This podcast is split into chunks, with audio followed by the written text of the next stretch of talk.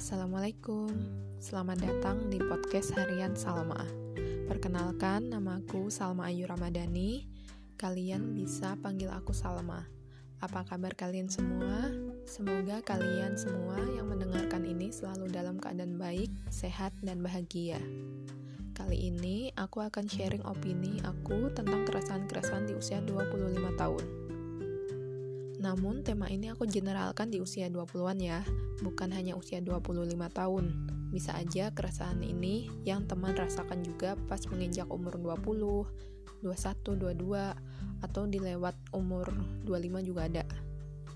Topik ini terinspirasi dari konten-konten tentang pengembangan diri yang lagi ramai dibahas terkait pencapaian di usia 25 tahun maupun konten tentang financial freedom di usia muda dan terinspirasi dari kasus-kasus yang sering kutemui dari diri aku, teman-teman sekitar, maupun di media sosial yang mereka resah terhadap diri mereka sendiri.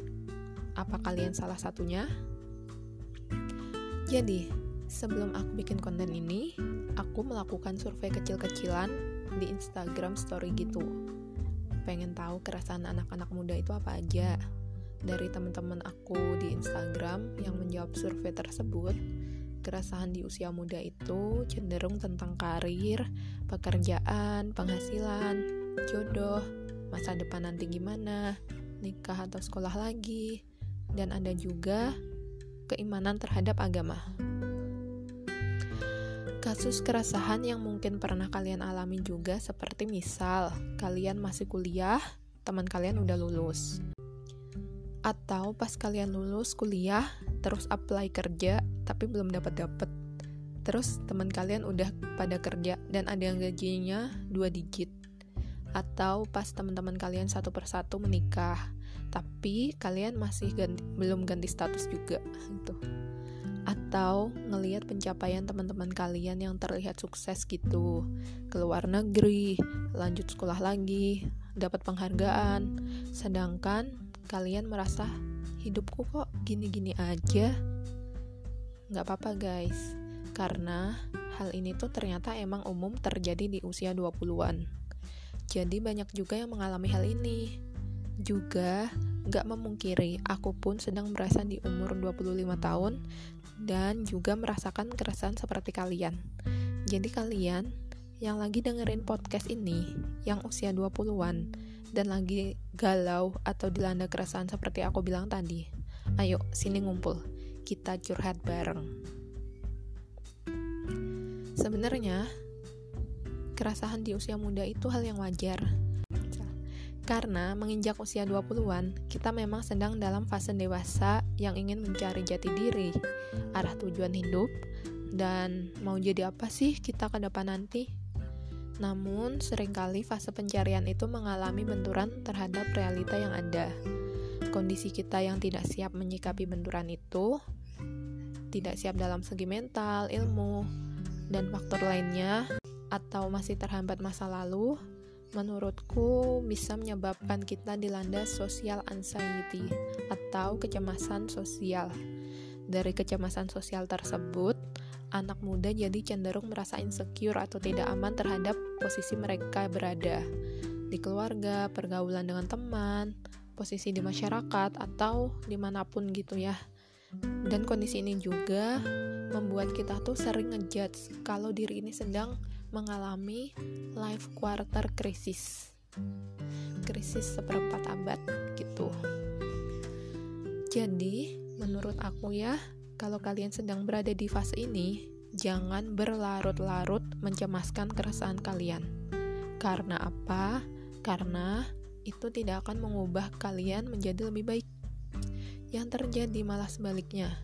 Kalian bisa jadi overthinking, merasa inferior atau minder, gak mau bergaul dengan orang karena takut dihakimi atau dipandang rendah, atau hal-hal buruk lainnya gitu atau paling parahnya bisa terjadi demotivasi hidup. Tidak punya lagi motivasi dalam hidup. Itu bahaya banget menurut aku. Dan jangan sampai kalian pura-pura bahagia. pura-pura baik aja di depan orang, padahal di dalam diri kalian tuh tersiksa. Terus, apa dong? Apa yang harus aku lakukan kalau gitu? Bangkit, kerjakan apa yang udah kalian mulai. Jadi, buat teman-teman yang lagi ngedengerin ini dan kalian lagi merasakan keresahan diri, please, ketika kalian sadar hal itu, segera sadari juga kalau kalian harus bangkit. Maksud bangkit di sini bukan berarti berdiri aja, bukan. Tapi cari solusi jalan keluarnya. Aku harus ngapain ya biar nggak gini terus-terusan?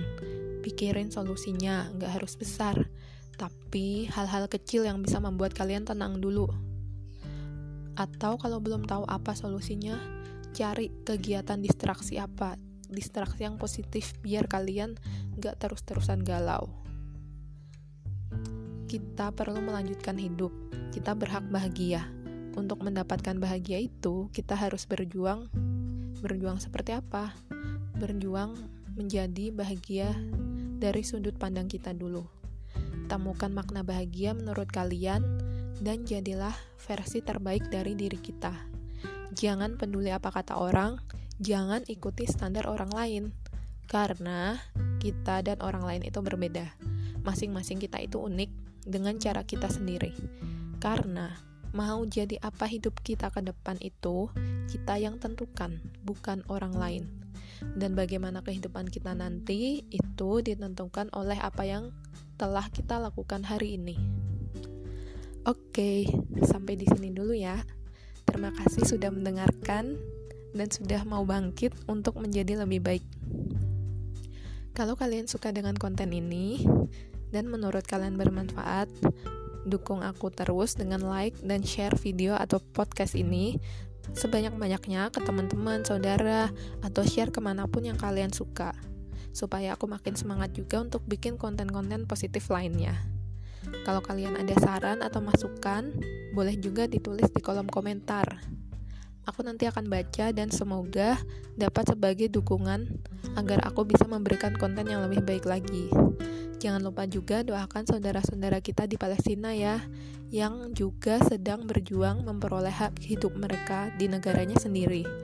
Semoga mereka senantiasa dilindungi Allah, senantiasa dikuatkan perjuangannya di sana, segera terbebas dari penjajahan dan penderitaan. Amin. Terima kasih. Wassalamualaikum warahmatullahi wabarakatuh. Bye.